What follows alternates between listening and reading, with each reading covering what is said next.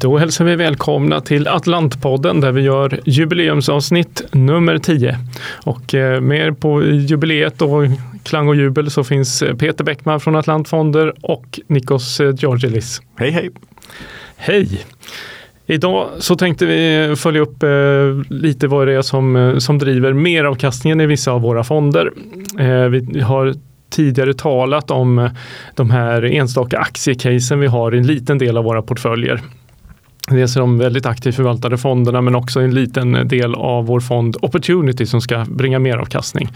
Eh, och det här är en spännande del. Eh, stor del av Atlantfonder hålls ju för att vara kapitalbevarande medan vi har den här delen som ska, som ska vara case som, är, som vi tycker är väldigt spännande och som är roliga historier. Och det är det du ska berätta mer om idag Nikos. Ja, det stämmer bra. Jag tänkte ha ett case som eh visar ganska mycket av det vi letar efter. Eh, det är en explosiv eh, uppsida eh, och det ligger ganska i närtid, tror vi. Jag kommer ta ett annat case som är ett bolag som vi gillar över lite längre tidshorisont. Det är lite ovanligare för oss men det är ett bolag som vi tror på väldigt mycket. Och sen så ska vi prata lite grann om en optionsstrategi och där kanske det kan bli lite tekniskt men samma strategi har vi finns det lite annat material som vi kan berätta om lite grann. Vart man kan djupdyka i det om man fattar tycke för det. Men som alla tre bygger ju på våran, våran grej om att skapa extra alfa till väldigt låg risk. Ehm. Och med alfa så menar vi mer avkastning i förhållande till marknaden i övrigt då? Det stämmer. Härligt. Ehm, vi har också tittat mycket på hållbarheten i fonderna. Under den här våren har vi infört eh, extra Eh, fossilkriterier. Så nu investerar vi inte i några bolag som har mer än 5% omsättning från fossila bränslen. Eh, och det gäller ju även de här, de här portföljerna som vi kommer tala om nu. Och vi kommer ta upp några hållbarhetsaspekter som finns på de här bolagen också som vi, som vi tycker är viktiga att ta upp. Men eh, vi dyker väl rätt i och hoppar på det första caset helt enkelt. Okej, det första caset, det har vi pratat om tidigare. Men nu börjar det komma till kritan här och det är bolaget Caliditas. Ett biotechbolag som har funnits igång väldigt länge. Eh, startades av eh, Bengt Gylander tidigt 2000-tal. Nu är de klara med sin fas 3-studie och har skickat in för marknadsgodkännande. Det de forskar på är ett eh, preparat för en väldigt, väldigt ovanlig njursjukdom. Eh, och det finns inga läkemedel idag. Den data som har kommit, eh, som har kommit initialt visar att för väldigt många så kommer det här betyda en enorm liksom, livsförbättring. När, när du hamnar i kritiskt läge med den här sjukdomen eh, som drabbar ungefär jag tror att det är ungefär 250 till 350 000 människor i USA och Europa som har den här sjukdomen. Och den är, men den är ännu större i Asien. Så det, i Asien är det här vanligt att man får det. Så jag tror att det är ungefär två miljoner människor bara i Kina som lider av den här sjukdomen. Och idag finns det inga, inga behandlingar, inga läkemedel. Eh, när du hamnar i krisläge, då, då brukar det vara så att det handlar om månader. Liksom, du kan vara liksom några månader bort från att du behöver kanske en njurtransplantation. Och de här studieresultaten då som har kommit från Calitas pekar på att man skulle kunna pusha det här fönstret för en transplantation med kanske tio år. Och det innebär ju en enorm skillnad. Och sen så också de som har den här sjukdomen behöver ofta gå in, kanske eh, säg varje år, eller varannat år in och läggas in på sjukhus och göra sån här bloddialys, rening av, av blodet. Det är den liksom funktionen som har slutat fungera. Från njurarna man, man samlar upp några små kristaller som liksom inte liksom bara förorenar kroppen långsamt. Så det behöver renas bort på något sätt. Och enda sättet som man gör idag på det är att man liksom bara läggs in och gör en dialys. Man byter egentligen ut allt, tvättar allt blod i kroppen eller man ska säga. Eh, och sen så på sikt då behöver man göra en levertransplantation. Så data är klar eh, och ser superintressant ut. Eh, väldigt, ser ut som att det kommer vara ett läkemedel som förbättrar livet för många hundratusen människor på jorden. Och nu har de eh, filat för ett marknadsgodkännande. Och det som är intressant som har hänt här, eh, det är att både europeiska och amerikanska eh, myndigheterna som, de har accelererat det här. Eh, och sagt att det här är ett läkemedel som är så pass viktigt och signifikant om det kommer ut på marknaden att vi måste accelerera den processen. Och alla vet att inom alla läkemedel så är det USA som är det viktiga.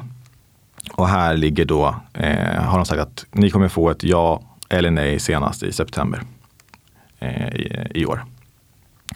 Så eh, alla de här triggersen ligger ju då nu väldigt i närtid. Och om man bara kollar på marknadspotentialen. Eh, Caliditas har idag ett market cap som ligger ungefär under 7 miljarder svenska kronor.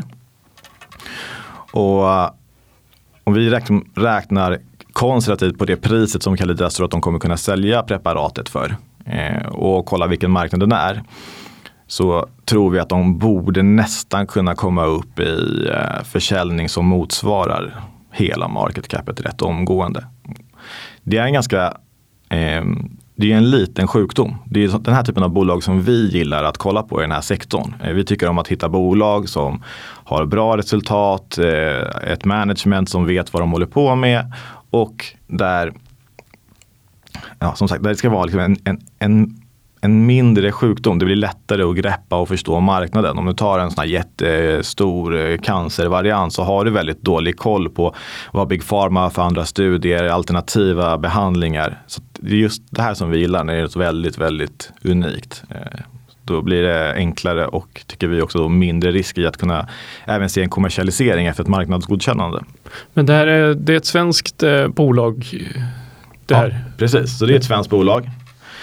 Ehm, och det som är lite roligt med hela svenska biotechmarknaden är ju att de här sakerna är ju så fruktansvärt svåra att ta till sig och förstå. Och vi använder oss ju av rådgivare, eh, många olika analytiker, men även liksom ett inofficiellt advisory board med liksom biotech vds och folk i branschen som vi frågar om råd och liksom sitter och bryter ner den här datan. För vi är inga doktorer på, på Atlant.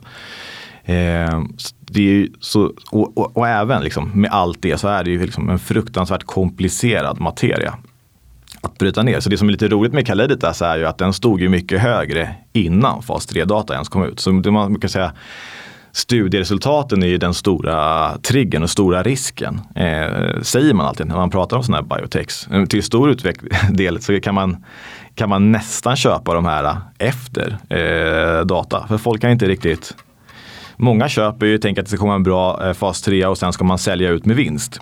Och i och med att det är så som liksom marknaden ligger och, och arbetar så många gånger så finns det ett värde att bara vänta ut datan, se om den är bra och sen så kan du köpa till en mycket lägre risk. För du får, hela eventrisken med studieresultatet försvinner och det är där ofta i fas 3 som många missar.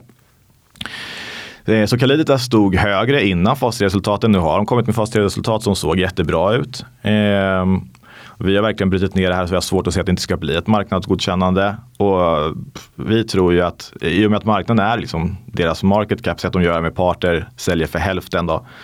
Så vi ser en uppsida i den här aktien på 200-300 procent i år. Vi tror att Ehm, de, det kan komma en nyemission förmodligen då för att Calitas ändå måste visa marknaden att vi kommer jobba mot en kommersialisering själva. Det är någonting man behöver göra för att kanske höja sin prislapp och visa att eh, här är ingenting som ni kan komma och köpa gratis.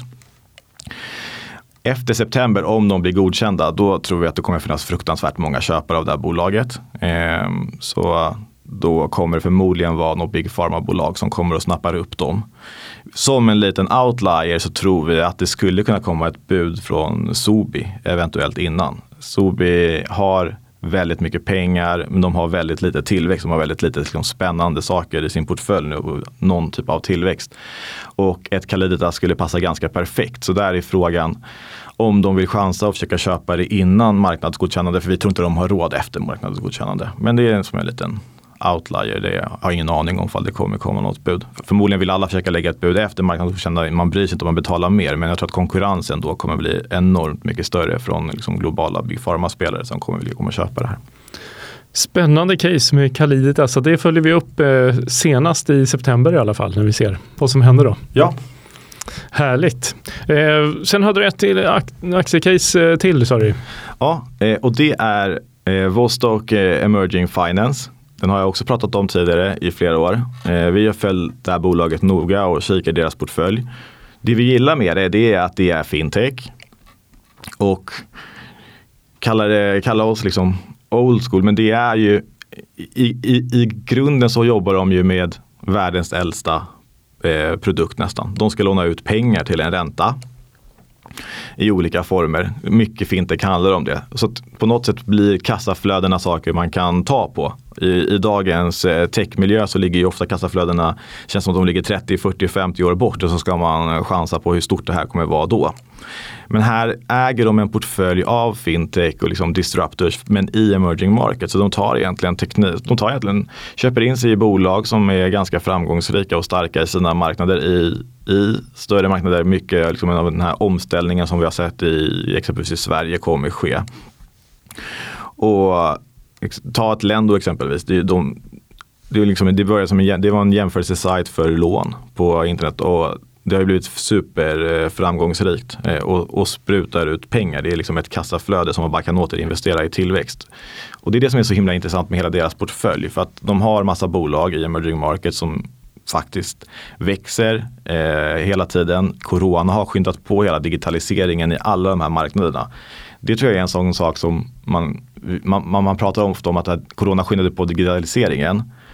Men ta alla de här länderna som också låg efter oss det har ju nästan gjort så att alla hamnar i fas. Eh, Brasilien som är eh, Vostok Emerging Finance viktigaste marknad var ju väldigt så, traditionell. Det var fortfarande bara bankkontor man skulle in på. Det är ett land som blev superhårt drabbat. Där skulle jag säga att den här coronapandemin har säkert skyndat på digitaliseringen med 5, 6, 7, 8 år.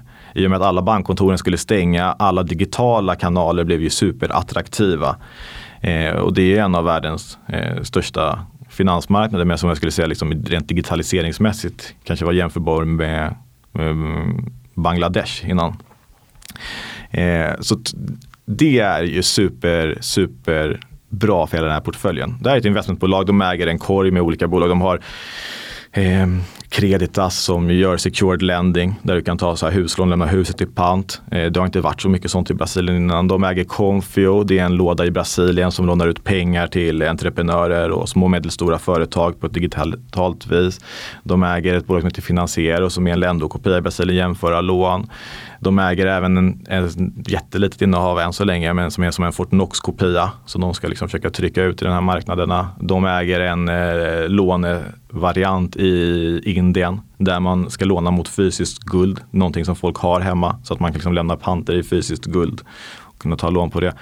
Så det är en super, super spännande portfölj där alla bolagen eh, har i alla fall en idé om kassaflöden som ska komma relativt snabbt. Men här kommer det viktigaste det handlar liksom till en, bolaget handlar än så länge till en rabatt mot NAV. Så för det första ger det en portfölj som du förmodligen aldrig kommer kunna replikera eller få exponering mot privat. Men om du köper aktien så får du det. Du får exponering mot alla de här bolagen som är supersvåra att hitta och sourca och ens skaffa dig någon exponering mot. Men du får det också till rabatt, vilket är, tycker jag, är super, super intressant. Då. Så att det är ett långsiktigare case eh, där vi kanske inte ser någon så här explosiv uppsida i närtid men vi tror att det här bolaget kommer gå fantastiskt bra 5-10 år. Och det är också någonting, eh, man säger att det som, det som kan sätta stopp för den här stora börsuppgången och så vidare är väl om det börjar bli inflation och räntorna går upp och så vidare. Men det snarare gynnar väl bolagen i den här portföljen. Ja precis, du får ju nästan det bästa av båda världar. Du får ju liksom fintech men du får bolag som faktiskt producerar eh, kassaflöden. Och om de bara stryper sin sin tillväxt så, så klarar de sig liksom, och kunna ligga och rulla på sina egna kassaflöden. Eh, och, och, förvånande hur bra alla de här bolagen gick under corona. Eh, det var väldigt imponerande och gav väldigt stor komfort liksom, för att våga ligga kvar mot den här exponeringen. Och det är ett bolag som Atlantfonder har varit investerade eh, i några år nu eh, och jobbat ganska tätt med. Så, så nu har de också börjat eh, hållbarhetsrapportera, vilket vi är väldigt glada för, för det underlättar för oss i det här eh, kommande regelverk för, för hur hållbarhet ska rapporteras för våra fonder och vilka kriterier vi har satt upp eh, för hållbarhet också. Så det är någonting vi tycker är eh, jättebra med det här bolaget också, som vi tror kommer öka värdet givetvis i förhållande till vad investerare sätter, sätter värde på idag. Ja, vi, vi har ju ofta exponering mot mindre bolag. Det är inte Atlas Copco och H&M som vi utan det, det är ofta lite de här mindre bolagen där uppsidan är större och där där har vi liksom möjlighet också att påverka mer. Så vi lyfter alltid fram det som, som viktiga saker för oss eh, som investerare att det ska komma på plats. Och det är jättekul att se att de nu har börjat med det. Ja, Vostok Emerging Finance, kom ihåg vad ni hörde det först. Sen har du varit ute och köpt vingar för pengarna igen. Ja, eh, det är den här optionsstrategin. I grunden grundar sig den här optionsstrategin på att man eh, köper optioner alltid. Och du köper eh, billiga optioner som ligger långt ut på vingarna då, som man hör från namnet. Eh, så du, köper, du, kan köpa både uppsida och nedsida. Det, strategin används både för att gå med marknaden eh, som ren momentum men också för att betta emot marknaden när det har kommit en större rörelse åt något håll och tänk, då bettar du för en korrektion. Och hela strategins liksom, grundtes till varför den fungerar. Eller det är ju att oavsett vilket klimat det är eller hur hög volatiliteten är på marknaden så är ju optioner prisade som att det mest troliga är att eh, den underliggande tillgången kommer ligga kvar på samma pris i framtiden. Så när vi hade haft den här coronanedgången och OMX gick ner till 1300 då var ju alla optioner prisade som att om en månad, om tre månader, om sex månader så är det mest troliga att eh, vi står kvar på 1300. Och det är ju det som vi liksom främst bettar emot när vi tar de här. Vi säger att ja, men det mest troliga är inte att vi står stilla utan det mest troliga är att vi har rört på oss.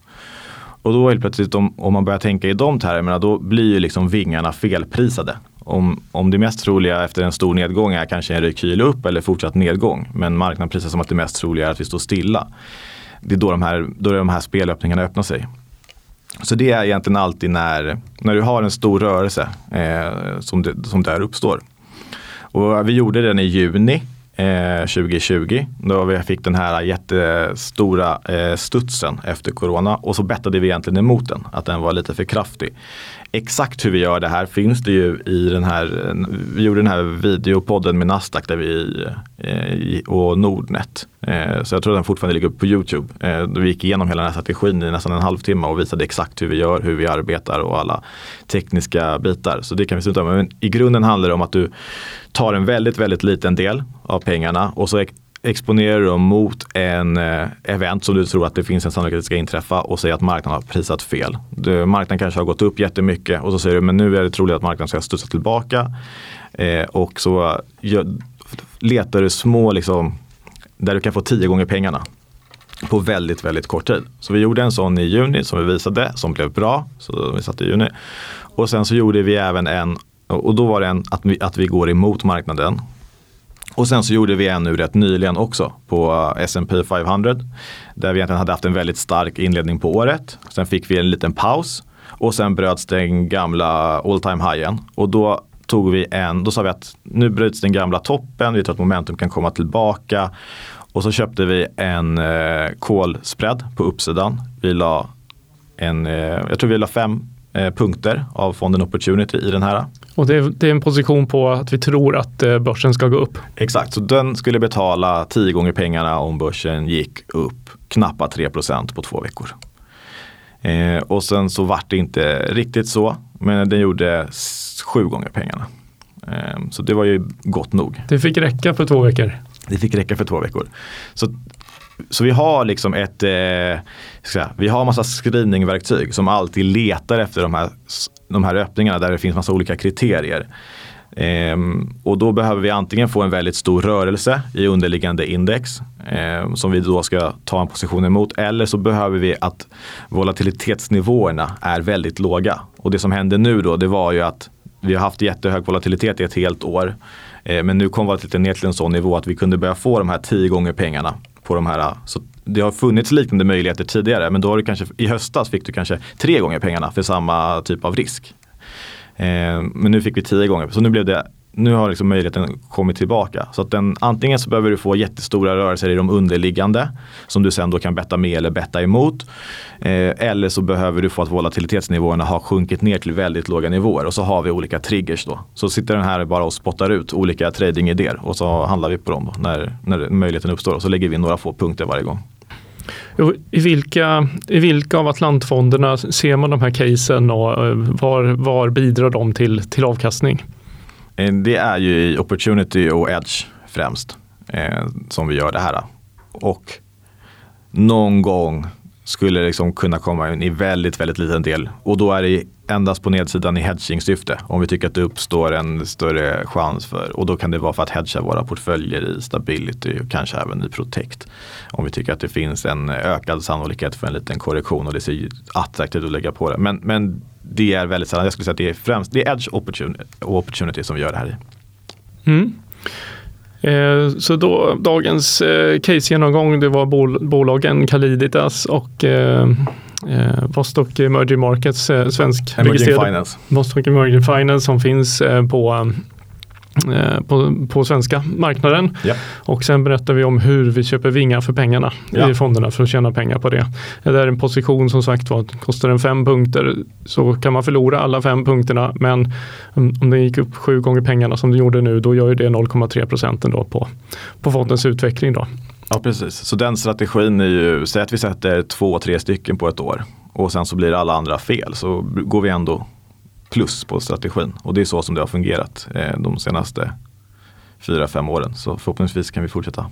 Då tackar vi för den här gången och eh, påminner om att eh, historisk avkastning inte är någon garanti för framtida avkastning och att belopp man sätter in i fonder kan både öka och minska i värde. Tack för idag! Tackar, tackar.